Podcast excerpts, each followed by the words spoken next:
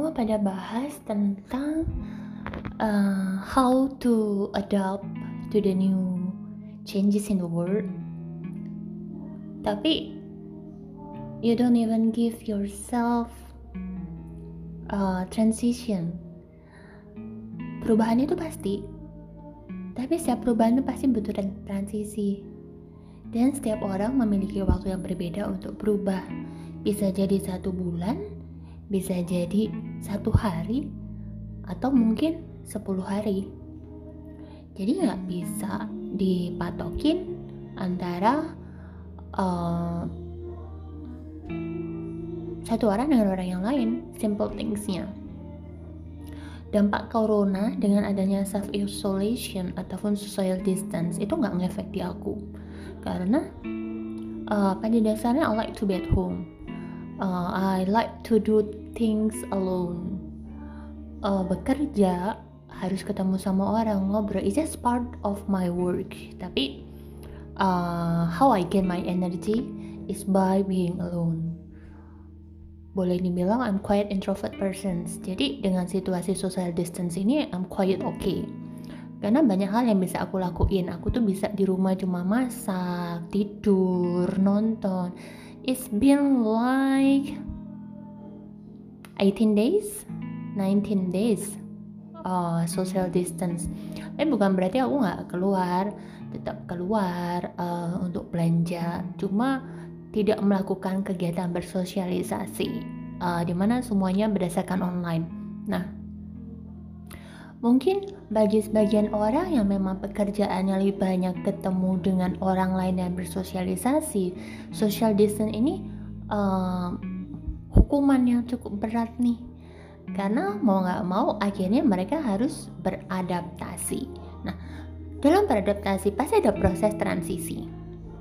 Menolak, nggak uh, happy, stres sendiri, kemudian uh, jadi lebih sering emosi makanya akhirnya kita ngelihat nih banyak banget yang akhirnya sharing tentang how to maintain your mental health during this COVID-19 ya Indian ini akan terjadi dalam proses transisi. Namanya perubahan kan?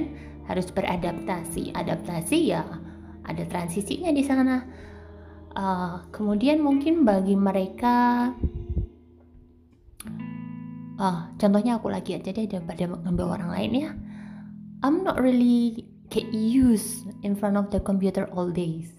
Tapi di situasi semacam ini aku diminta untuk melakukan pekerjaan secara online. Jadi bener-bener di driving online meskipun aku udah mulai starting online tuh dari November. Tapi tetap aja uh, staying di depan komputer kayak lebih dari 6 jam it's really tiring gitu loh. Mataku tuh capek aku tuh pusing.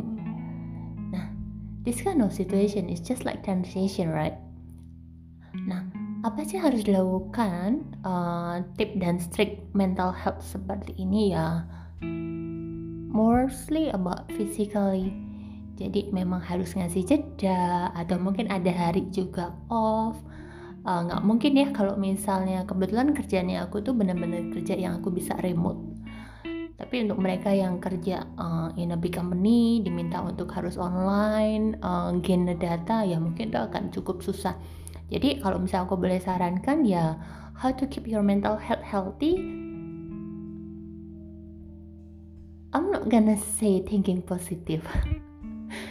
I'll just say take a break setiap beberapa kali take a break, do things that make you happy. Either itu kamu cuma jalan, either kamu dengerin musik, either kamu tuh loncat-loncat, either kamu ke toilet, regangin badan or anything. Karena what make you keep moving is movement. Makanya dibilangnya moving. Uh, thinking itu adalah result dari kamu doing something. Sama kenapa sih orang bahagia? After sport. It's not about the sport. Itu karena gerakan yang kamu lakukan when you are doing sport. Mungkin sport ketemu banyak orang, tapi kan itu adalah activity yang kamu lakukan. Activity mean aktivitas, aktivitas mean active. Active mean there is something move. jadi ya keep moving the point is start doing stop thinking